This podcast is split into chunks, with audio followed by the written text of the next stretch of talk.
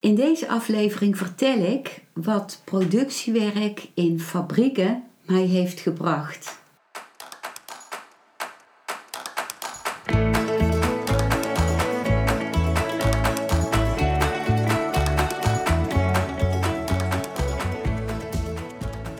Welkom bij een nieuwe aflevering van Modita's podcast Van Pijn naar Zijn.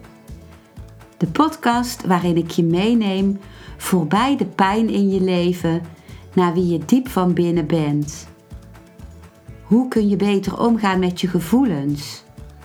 Hoe vind je rust in je hoofd? Wat zit er precies achter je pijn? En vooral, hoe kun je steeds meer jezelf zijn? Adem eens diep in en uit. Ik wens je veel luisterplezier.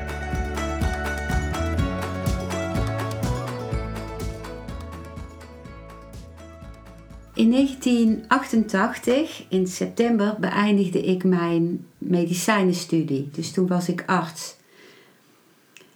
En ik was heel erg aan het piekeren over wat wil ik daar nu mee? Welke kant wil ik op? En uh, dat was me helemaal niet duidelijk. Achteraf gezien was ik toen depressief en uh, helemaal uit verbinding met mezelf, met mijn eigen kern. En dus ook uit verbinding met mijn verlangen, met mijn mogelijkheden. En dan helpt piekeren ook niet. Dus nadat ik heel lang gepiekerd had, waren er twee dingen. Eén ding was dat ik natuurlijk geld nodig had. En het andere ding was dat ik ehm, iets wilde waardoor ik weer in beweging kwam. En op een dag zat ik op een terrasje in de stad, op de markt in Eindhoven. En ik was weer aan het piekeren en ineens besefte ik dat ik met piekeren helemaal niet verder kwam. Ik draaide steeds maar in mijn hoofd als een grammofoonplaat met een kras erop in hetzelfde kringetje rond. En toen kreeg ik ineens het idee om iets totaal anders te doen dan die hele medicijnenstudie en ook totaal iets anders dan het willen helpen van mensen of heling teweeg willen brengen bij anderen. En ik bedacht dat als ik iets totaal anders ga doen, dat dan misschien, omdat ik er niet meer over aan het piekeren was, de richting die ik zocht vanzelf zou komen. En ik besloot om uh, naar uitzendbureaus te gaan en om te gaan werken in fabrieken. Uh, om, omdat dat iets was wat helemaal lijnrecht op mijn studie stond. En ook omdat het iets was waarbij ik voor korte tijd ergens kon werken. En dan had ik als idee om steeds drie weken te werken en dan een week op vakantie te gaan. Nou, ik heb meteen uh, daar actie op ondernomen en ik kreeg meteen werk in een fabriek. En dat was in een fabriek met een, uh, waar ik aan een lopende band moest staan. En waarbij allemaal gebruiksaanwijzingen, kleine boekjes, waarin de gebruiksaanwijzing stond van een scheerapparaat, aankwamen rollen. En ik moest dan tien boekjes uh, op elkaar leggen, een elastiekje eromheen doen en dat stapeltje in een doos doen. En zo tot de doos vol was en dan weer aan de volgende doos beginnen. En in die tijd had ik ook eigenlijk min of meer per ongeluk het eerste boek van Osho gekocht. Ik was in de slechte, in een tweedehands boekwinkel. En zoals gewoonlijk zocht ik weer op het schap van de psychologieboeken naar een boek wat mij zou kunnen helpen om uit mijn depressie te komen en om me levendiger te voelen en meer in verbinding met mezelf. En ik trok dan die boeken één voor één uit de kast. Ik heb daar ook in een eerdere podcastaflevering over gesproken. En ik, eh, ik las dan de achterkant van die boeken. En op een gegeven moment was er een achterkant die mij zo aansprak. En ik ging het boek afrekenen en het bleek een boek te zijn van Osho. Die heette toen nog Bhagwan Sri Rajneesh. En het boek heette De Verborgen Harmonie. en in dat boek, uh, dat ging over de, de, uh, de Griekse Herakleitos, die eigenlijk oproept, net als Osho, om in het moment te leven. En die ook zei van je kunt zelfs niet twee keer in dezelfde rivier stappen. Want op het moment dat je je voet weer in die rivier zet voor de tweede keer, is die hele rivier alweer veranderd. Die is alweer verder gestroomd. Daar, daar zijn weer nieuwe dingen in die rivier gekomen. Jouw voet is veranderd. Dus geen enkel moment kan hetzelfde zijn als een eerder moment. En in dat boek uh, vertelde Osho hoe belangrijk het was om steeds terug te komen naar het hier en nu. 33.000 keer per dag. En dat vond ik zo mooi dat hij daar zo eerlijk in was. Dat het 33.000 keer per dag nodig was. Zo vaak dwaalt de mind weer af naar het verleden of naar de toekomst. En ik, uh, ik onderstreepte heel veel zinnen van dat boek, maar met name dat 33.000 keer per dag terugkomen naar het hier en nu sprak mij enorm aan. En uh, het werk in die fabriek, dat uh, oppakken van die boekjes en elastiek erom, was zo eenvoudig dat het heel gemakkelijk gebruikt kon worden als meditatie. Dus ik kon oefenen om in het hier en nu te blijven. Dus als ik na het oppakken van drie boekjes van zo'n stapeltje alweer ging denken: oh, wat moet ik nou met mijn leven en zo. Dan kon ik mezelf eraan herinneren om terug te komen naar dat volgende boekje, naar hoe mijn hand dat oppakte, naar eh, hoe ik het elastiekje pakte. En dat gaf mij heel veel voldoening. Dat uh, doordat ik in het nu kwam, hoorde ik de geluiden die om me heen waren en uh, de stemmen, het, het geraas van de band, het, het licht dat door de ramen viel van de fabriek. En mensen om mij heen, die zagen wel aan mij dat ik uit een hele andere hoek kwam. Die waren heel verbaasd dat ik zo'n goede zin had elke dag. Dat ik, uh, of ik nou de vloer aan het vegen was rondom die band, of dat ik nou met die boekjes bezig was. Dan vroegen ze mij ook soms: hoe kan het dat je zo'n goede zin hebt? Maar ja, als ik dan iets vertelde over het moment, dan waren er meestal een soort verbaasde ogen. En sommige mensen die begrepen dat wel, omdat ze daar zelf ook mee bezig waren. Dat kon ik dan voelen. En dat waren ook de mensen die mij uh, heel erg aantrokken. En natuurlijk was het voor mij een verschil dat ik wel vermoedde dat ik dat werk niet mijn hele leven zou blijven doen. Maar zelfs als ik het mijn hele leven zou zijn blijven doen, wie weet wat het mij gebracht heeft. Ik kan me niet voorstellen hoor, dat ik dat mijn hele leven was blijven doen, maar wie weet.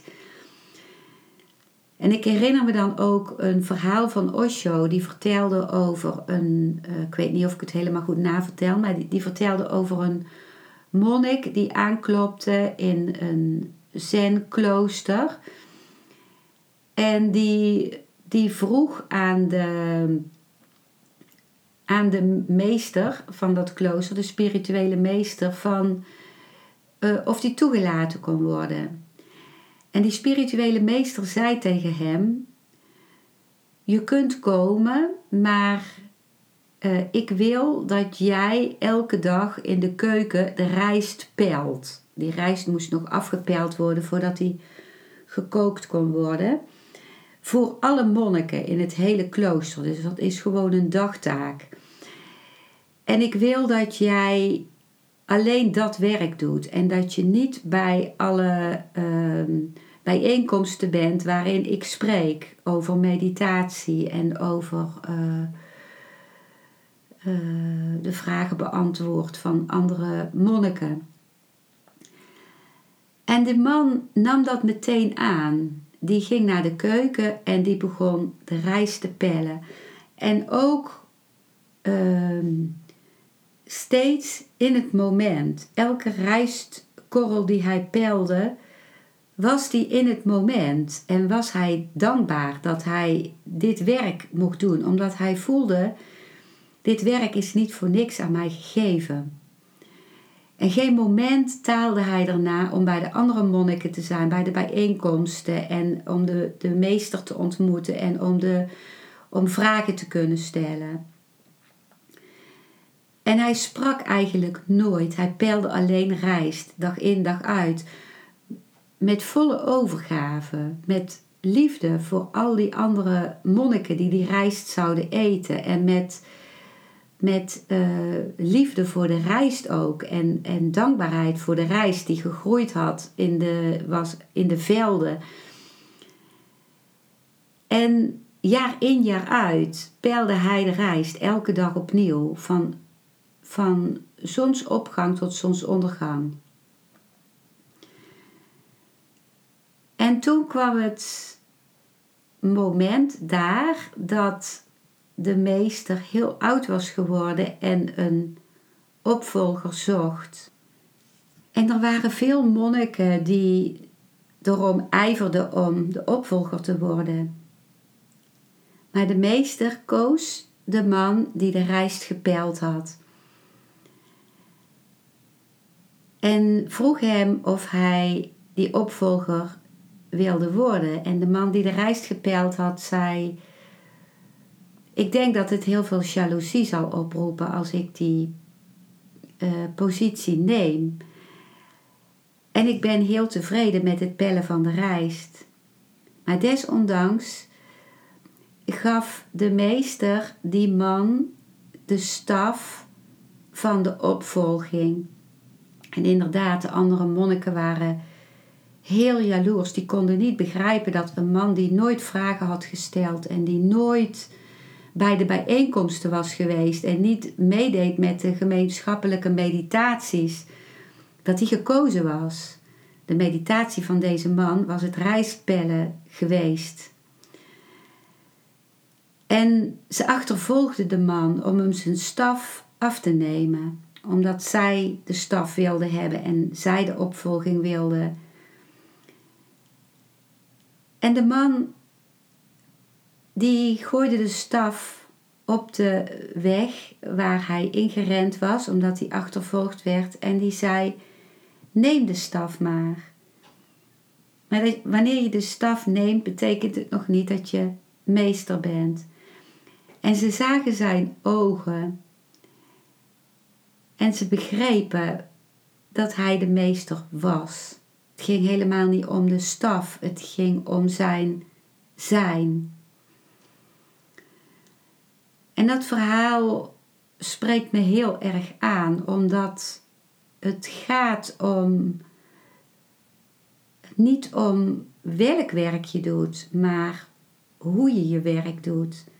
Ik ben bijvoorbeeld enorm geraakt door de manier waarop een jongen die friet bakte in de doorgangsgang van het station mij de zak friet overhandigde en de manier waarop hij die friet bakte.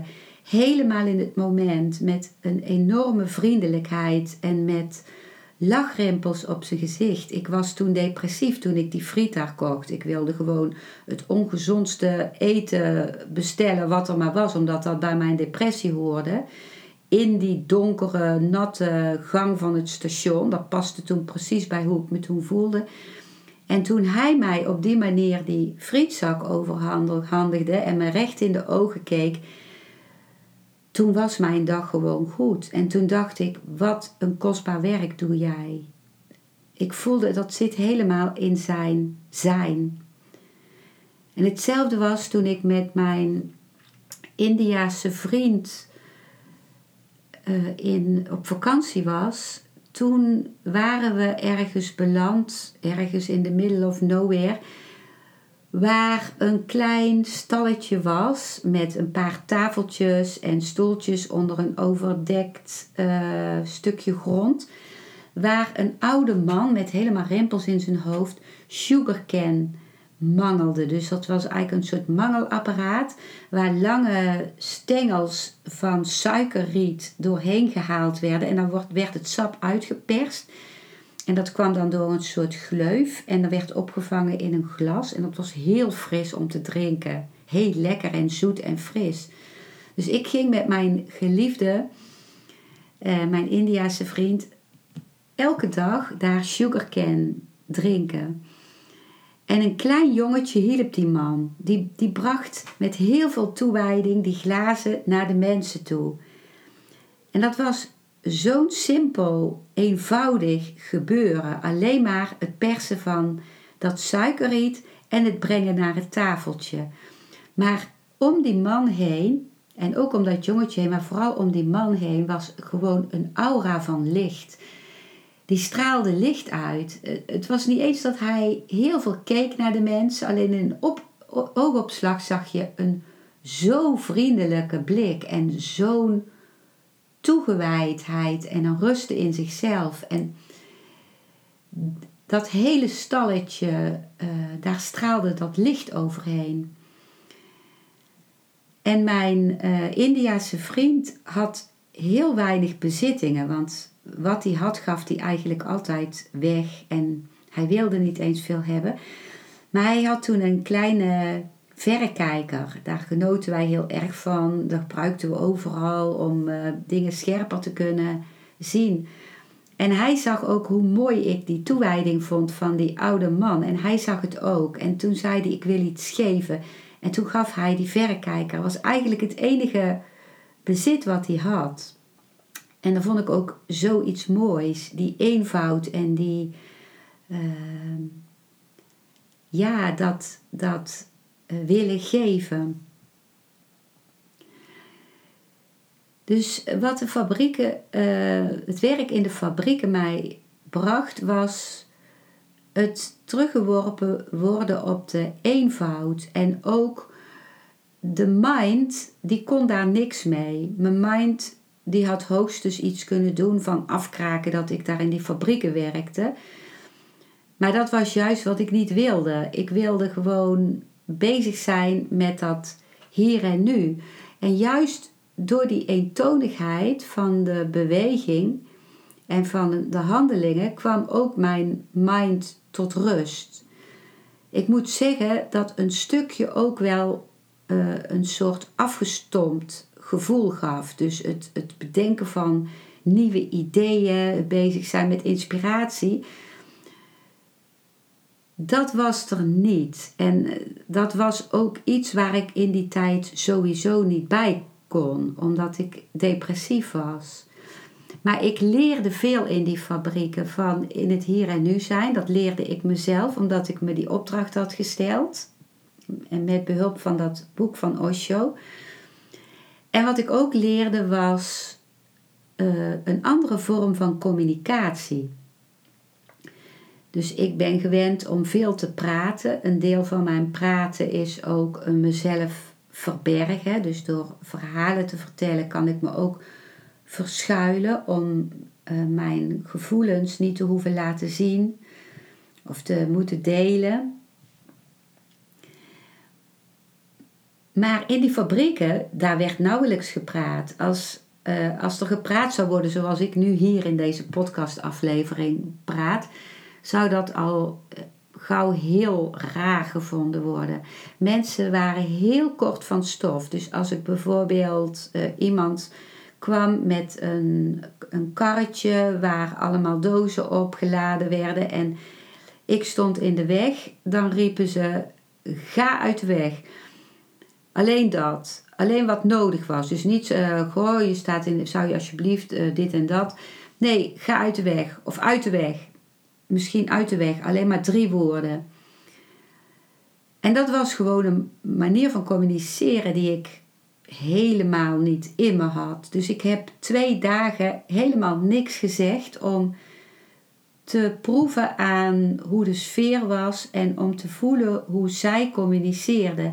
En toen ging ik dat heel erg waarderen. Ik dacht, hoe mooi is het als het zo kernachtig is, waarin de hele emotie meteen al aanwezig is.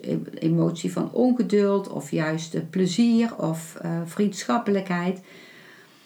Of een, een, een commando, iets wat je op het werk moest doen. Dus dat heb ik ook geleerd. De eenvoud en de puurheid van de communicatie.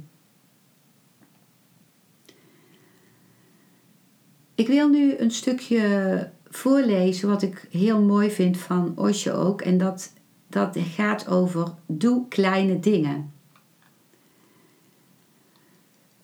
Iemand uh, met de naam Heren vraagt aan Osho. Nee, sorry. Osho vraagt aan iemand met de naam Heren: Hoe gaat het met je? Heren zegt dan: Oh, ik voel me niet echt goed op dit moment. Ik keek er zo naar uit om hier in het meditatiecentrum terug te komen. En alles zou dus goed moeten zijn. Maar ik merk dat ik in mijn mind altijd dingen aan het plannen ben om te doen. Ik heb veel energie, maar ik kan niet gewoon mezelf zijn. Osho vraagt dan: En wat voor werk doe je nu? Hij bedoelt werk in het meditatiecentrum. Heren zegt: Ik werk in de kantine. Osho zegt dan: Ik verwachtte dit. In de basis ben je een doener. Dus als je iets te doen hebt, voel je je goed. Maar dat iets moet iets moeilijks zijn, anders is er geen uitdaging. Dat iets moet zwaar, moeilijk zijn. Dat iets moet zodanig zijn dat je ego kan voelen dat je echt iets groots doet. Maar dit probleem moet je begrijpen, omdat dit een soort ziekte is. Vanwege deze ziekte verknoeien veel mensen hun leven in doen. Dit doen, dat doen, met geen enkel doel. Ze willen zichzelf alleen in moeilijke situaties brengen, zodat ze hun ego kunnen vergroten. Ze willen worstelen. Hun hele interesse is in de worsteling, in het vechten. Dus als ze iets kunnen vinden om voor te vechten, goed. Maar zelfs dat geluk is geen echt geluk, omdat je er vroeg of laat efficiënt in wordt om dat ding te doen. En dan is het over. Dan wil je een nieuwe piek, een andere berg om te beklimmen en ondertussen glipt het leven je door de vingers. Je verliest elke keer tijd en de dood komt dichter en dichterbij. Dus je moet dit begrijpen. Als hij niets te doen heeft, dan is de mind van de doener altijd aan het plannen. Dat betekent dat hij aan het doen is in zijn fantasie. Als hij het niet in het echt kan doen, dan zal hij dromen. Maar dat is ook nutteloos. Heren zegt dan: Ik zie het als nutteloos, maar het is heel moeilijk om uit mijn mind te komen. Osho zegt dan: Je moet twee dingen doen. Eén is: begin geïnteresseerd te raken in kleine dingen. Hele kleine dingen omdat in jouw doener zijn twee dingen betrokken zijn: je ego en je energie. De energie is helemaal goed. Je hebt een actieve energie, een mannelijke energie, een positieve energie. En je bent een hoge energiepersoon. Het andere ding is je ego. Wanneer je beide wil laten vallen, dan zul je dat nooit kunnen, omdat het ene echt is en het andere is onecht. En zijn beide aan elkaar gekoppeld. Dus je moet ze van binnen ontkoppelen. De energie moet gespaard worden. Je moet veel dingen doen, maar je moet geen doener zijn. Je moet actief zijn, anders zul je heel droevig en depressief worden, omdat je iets doet wat niet natuurlijk voor je is. Het is natuurlijk voor jou om actief te zijn. En het verschil moet je begrijpen. Wanneer je een doener wordt, komt het ego binnen. Wanneer je eenvoudigweg actief bent, dan is er geen probleem. Dat is waarom ik zeg dat het eerste ding is: raak geïnteresseerd in kleine dingen die geen uitdaging zijn. De kantine is helemaal goed. De vloer schoonmaken is helemaal goed. Er zit geen uitdaging in. In feite voelt het ego zich vernederd. Heren, wat ben je aan het doen? De vloer schoonmaken? Wat ben je aan het doen? De badkamer schoonmaken? Ben jij hiervoor bedoeld? Jij bent ervoor bestemd om grote dingen te doen. Jouw bestemming is om een Alexander de Grote of een Adolf Hitler of een andere gek te zijn. Dus wanneer je de vloer schoonmaakt, geniet er gewoon van. Het genieten moet komen van de activiteit, niet door vergroting van het ego. Dus dit type klein ding is heel, heel goed. Dat waren de woorden van Osho. Ik kreeg toen werk in een andere fabriek. Een fabriek waarbij ik in een ruimte zat aan een tafel, aan een vierkante tafel, aan een metalen tafel, samen met andere vrouwen uit allerlei delen van de wereld. Ik was dus Nederlands, dan was er een meisje wat kwam uit België en wat zei dat ze door haar ouders het huis uitgezet was. En uh, die net een nieuwe vriend had en uh, wilde sparen om samen te kunnen wonen met hem, wat ze dus al deed, maar om uh, kleine dingetjes te kopen voor in hun gemeenschappelijke kamer. Er waren, was een vrouw uit Indonesië. Er waren twee vrouwen uit de Filipijnen.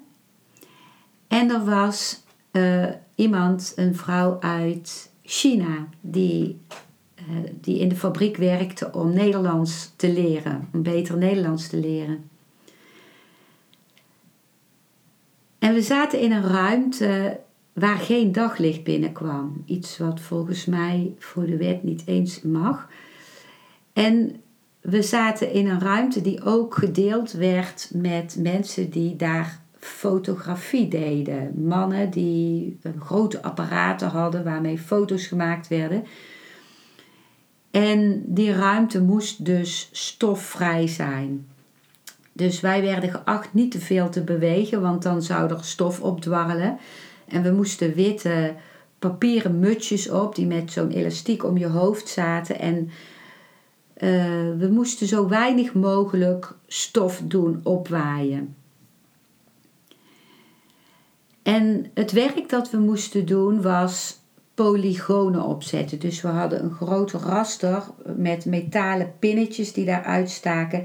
En daartussen moesten we een metalen onderdeeltje zetten met drie gaatjes erin. En dat is een onderdeeltje wat achterin de uh, televisie zit en waarin de lichtstralen de, van de kleuren rood, geel, blauw gescheiden worden. Dus dat was een metalen dingetje en dat moest gegalvaniseerd worden. Dus daar moest nog een metalen glanslaag of uh, isolatielaag omheen worden gedaan. En daarvoor moesten wij dus al die polygonen in dat frame zetten tot het hele frame vol was. En dat metalen frame hingen we dan in een kar. En als die kar vol was, dan ging dat naar het galvanisatieapparaat. Dat was dus heel eentonig werk, alsmaar die polygonen op die metalen plaat zetten. Maar uh, ik vond het heel bevredigend werk. Uh, in de eerste plaats omdat ik zag wat ik deed. Dat was ook bij die Philips boekjes zo. Toen ik mijn studie deed voor medicijnen, was ik alsmaar in de boeken aan het leren en leren jaar in jaar uit. Maar ik zag dat niet. Ik zag niet wat ik deed. Niemand kan zien wat er uiteindelijk in je hoofd terechtkomt en wat daar ook blijft. Maar met, die, met wat ik deed, dus die dozen met die Philips boekjes, maar nu ook die, die polygonen, dat zo'n kar langzaam vol kwam, dat zag ik echt. En dat was heel bevredigend om te kunnen zien van, oh, dit heb ik gedaan. Dat jouw actie meteen ook een fysiek resultaat had. Dat vond ik heel fijn. En ik zei dat was de eerste plaats, maar eigenlijk was het belangrijkste nog wel, dus wat ik tweede plaats wilde noemen, is eigenlijk de eerste plaats, het sociale contact met de anderen aan de tafel.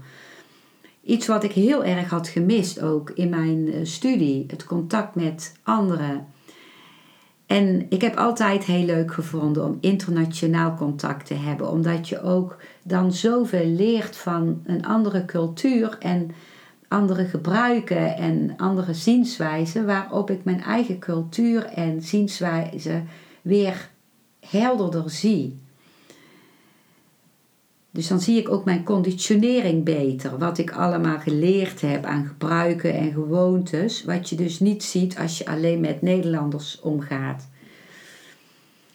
En de Filipijnse, een Filipijnse vrouw was aan het sparen voor, voor uh, haar trouwjurk. Die kostte wel, uh, ja, toen had je nog guldens, dat was al 2000 gulden. Ze was de hele tijd, als we eventjes pauze hadden tussendoor, dan was ze bruidsjurk aan het bekijken samen met haar Filipijnse collega die daar al veel langer werkte en die zo hard werkte dat ze al een frozen shoulder, dus een geblokkeerde schouder had. Ehm, en tegen wie ik zei dat ze beter wat langzamer kon werken. Maar dat werd dan weer door de baas niet in dank afgenomen. Dus zij ging door met heel snel werken. En zij spaarde dus voor haar hele familie in de Filipijnen. Die andere vrouw die ging trouwen trouwens ook. Dus dat was ook echt ontroerend om te zien hoe hard zij werkte met dat productiewerk om hun familie in de Filipijnen ook van eten te kunnen voorzien. En hoeveel harder ze nog werkte als er iemand ziek was in de Filipijnen. Want dan was er nog meer geld nodig voor de medische kosten. En de vrouw uit Indonesië was heel stil. Ik voelde me met haar verbonden omdat mijn moeder uh, in Indonesië geboren is. Ook al heeft mijn moeder Nederlands bloed en zij had Indonesisch bloed of Indisch bloed. En zij was zo gastvrij. Als wij lunchpauze hadden, dan had zij lekker Indonesisch eten bij zich. En zij deelde dat uit aan ons. Dus ik ervoer niet alleen haar cultuur, maar ik proefde ook haar cultuur. En proefde van de gastvrijheid van die cultuur. Want ze had gewoon heel weinig geld, maar ze, ze deelde wel dat eten uit. Oh, en er was nog een vrouw bij en die was van het woonwagenkamp. En daar kon ik ook voorheen allerlei oordelen over hebben. Maar ik zag toen wat, wat mensen uh, van het woonwagenkamp, wat die een enorme solidariteit en loyaliteit met elkaar hebben. Hoe, wat een hechte gemeenschap dat is. En ik leerde ook dat er dan een vrouw was die de leiding had en dat ze bijvoorbeeld geen tweedehandse kleren mochten dragen. Het moest altijd nieuw zijn. En ze waren zo emotioneel met elkaar betrokken, die hele woonwagengemeenschap. En zij had een kindje, zij had uh, nog, nog twee kindjes, maar ze had ook een kindje gehad, een derde kindje dat dood was geboren. En ze liet ons een fotootje zien met dat zij met dat dode kindje in haar armen stond. En dat raakte mij enorm. En zij kon dus helemaal niet lezen of schrijven of uh, rekenen. Dus wij hielpen haar met een berekening die gemaakt moest worden, omdat wij ook bepaalde dingen af moesten wegen en op moesten schrijven en soms iets kleins moesten berekenen. En we hadden heel veel plezier met elkaar. En eh, op een gegeven moment werd het meisje wat uit huis was gestuurd, die was toen ook ineens heel misselijk. Dus we zagen het allemaal al wel aankomen dat ze al, uh, al zwanger was, of leek te zijn. En uh, ze had al een, een potje, was ze begonnen met haar vriend om te sparen. En ze had al de babysokjes gekocht.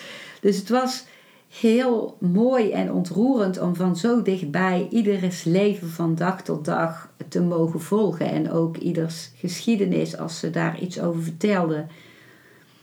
En de mannen van de fotografie om ons heen, die waren echt geraakt door hoe wij ervaringen met elkaar deelden. En die kwamen dan luisteren en dan stelden wij ook hun vragen. En dat was eigenlijk dan het enige sociale contact dat zij hadden, omdat ze met elkaar eigenlijk heel weinig uitwisselden. En ik maakte ook grapjes. Ik had een waterfles uh, staan uh, op een randje, op een machine uh, vlak bij mij. Want ik moest erbij kunnen, omdat als ik steeds opstond om te drinken, dan liet ik te veel stof opwarrelen wat mijn baas niet wilde. En dan, als ik een slok nam uit die, uit die waterfles, dat was een doorzichtige plastic fles, dan zei ik tegen anderen dat het uh, whisky was. Dat ik dat gewoon nodig had. En dan, dan met een heel genietend eh, gebaar dronk ik dan zo'n slok van mijn whisky. En daarna deed ik een beetje alsof ik duizelde. En iedereen keek dan naar mijn whiskyfles. En ja, ik had daar heel veel plezier in ook. En uh, wij hadden eh, ook uh, een soort, wij hadden vingercondooms die we om onze vingers moesten doen, omdat die polygonen mocht niet het vet van onze vingers aankomen. En op een dag kwam er een jongen die via het uitzendbureau die daar ook zou komen werken, een hele jonge jongen en uh, mijn baas had hem de rondleiding gegeven en onze tafel laten zien waaraan we werkten en waaraan hij zou komen werken. En toen hij net uh, wegging, toen was mijn baas nog iets vergeten te vragen aan hem. En toen riep hij aan die, tegen die jongen, wat voor, wat voor maat condoom heb je? Maar hij bedoelde eigenlijk wat voor maat vingers. Laat je vingers eens zien. Maar die jongen die schrok zo erg dat hij meteen weg is gerend en nooit meer is uh, teruggekomen. Heel begrijpelijk. Ik heb ook in fabrieken gewerkt waar het vreselijk was. Uh, de Mora-fabriek, waar, waar ik uh, zo snel moest werken aan de lopende band dat het niet bij te houden was. En als je handschoen kapot ging, dan moest je naar een hoek rennen om een nieuwe handschoen te pakken. En eerst heel snel vooruit werken, zodat de lumpia's niet van de band vielen, in plaats van dat je ze in een doosje had gedaan. En dan was je net op tijd terug om te, om, om te zorgen dat ja, dus die lumpia's niet van de band vielen. Dus eerst moest je vooruit werken om een stuk band vrij te krijgen. Alleen al om één handschoen te pakken. En als je naar de wc moest, dan moest je je vinger opsteken. En toen ik later in een ruimte uh, apart werd gezet om zout af te wegen, was een heel minuscuul werkje met een hele uh, uh, delicate weegschaal.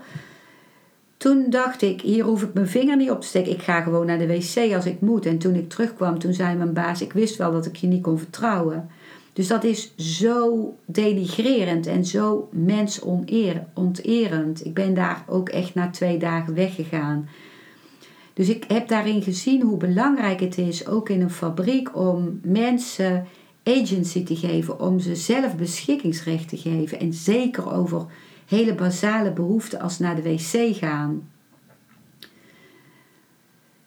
En in een andere fabriek, in een, in een uh, fabriek waarin drukwerk werd verricht, dus een soort, dat was een baas, die had zelf vroeger altijd in, via uitzendbureaus gewerkt en die gaf juist de mensen helemaal inspraak en, en uh, meebeschikkingsrecht. En in die fabriek was echt niemand ziek. Gewoon iedereen floreerde daar en iedereen werkte daar graag. Dus zo belangrijk. En dat is niet, niet alleen belangrijk in een fabriek, maar dat is in elk werk belangrijk.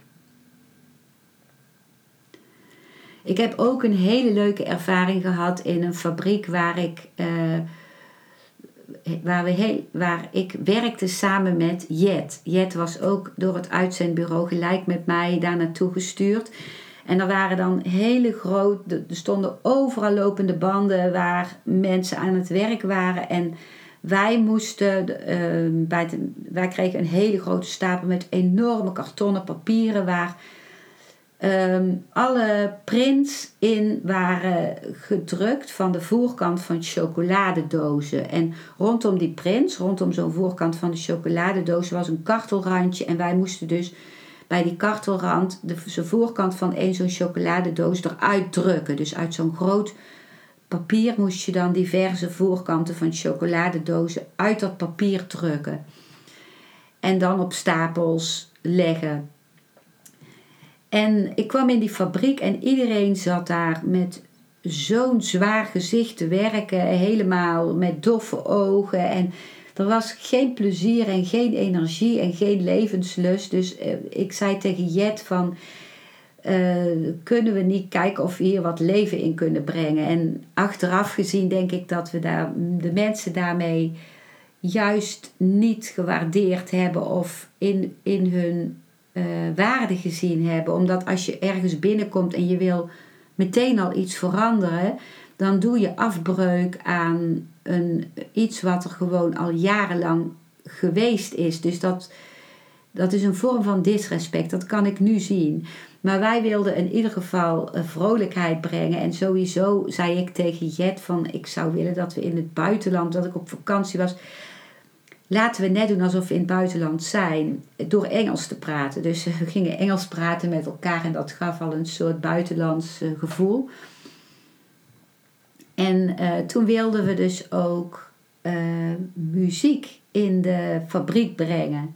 Terwijl ik met sommige fabrieken ook heel erg geërgerd heb aan steeds dezelfde muziek door zo'n luidspreker met alsmaar hetzelfde nieuws wat dan rondkwam zingen elk uur of elk half uur. Maar wij wilden leuke muziek. En uh, ik had een radiootje meegenomen de volgende dag. En uh, wij zetten dat radiootje vlakbij onze kartonnen chocoladedoos kartonnen en we gingen aan het werk. En toen ging de kwam de baas en die zei dat de muziek uh, niet toegestaan, of dat een radio niet toegestaan was. Er mocht geen radio zijn in de fabriek. Dus toen bedachten we iets anders. Toen zeiden we tegen elkaar, dan gaan we zingen.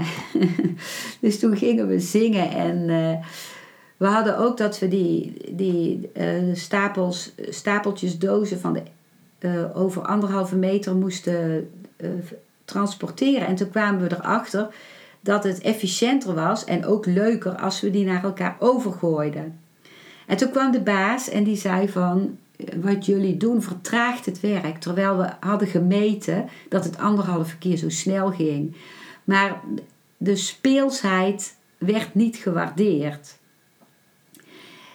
En uh, ik kon het niet laten in die fabriek. Eh, omdat de, de sfeer was zo duf dat ik gewoon de speelsheid juist wilde. En ik had dan een kar op wieletjes en daar moest de kist waar dus alle afvalsnippers van die kartonnen platen, nadat we dus die dozen eruit hadden gedrukt, in zaten, moest ik wegbrengen.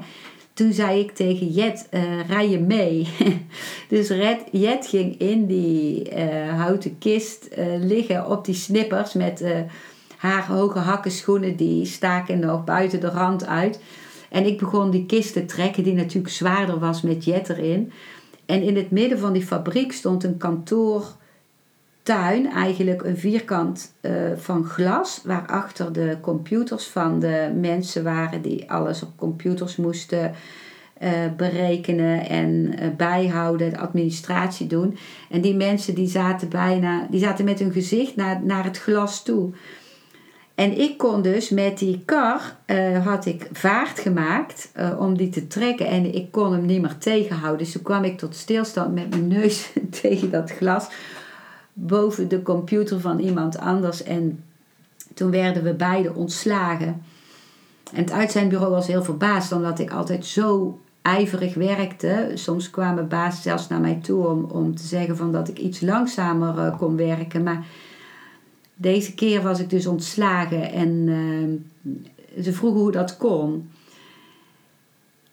ze begrepen niet hoe dat kon. En ehm, de fabriek had ons echt nodig. Dus ze hebben gevraagd of we nog één dag terugkwamen. En dat hebben we dan ook gedaan.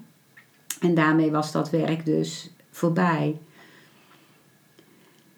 Uiteindelijk na negen maanden voelde het werk in de fabriek niet meer goed. Ik voelde dat iets in mij uh, afstompte. Dat ik, en dat ik ook miste om um, met mensen om te gaan met wie ik kon spreken op de manier waarop ik graag dingen uitwisselde.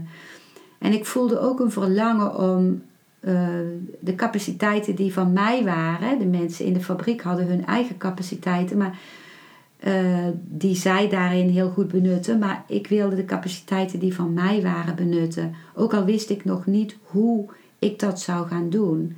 En wat ik vooral heel belangrijk vond, was mijn eigen regie te hebben. Om, om zelf een plan te kunnen maken en zelf uh, uh, te kunnen kijken hoe ik mijn werk wil uitvoeren.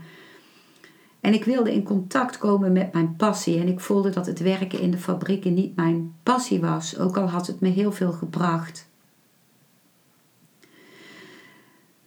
En op dat moment keek ik in de krant en zag ik een advertentie waarin iemand gevraagd werd om les te geven aan verpleegkundigen. Ik had nog nooit les, en dat zou dan zijn in de vakken anatomie en uh, ziekteleer. En ik had nog nooit les gegeven in mijn leven.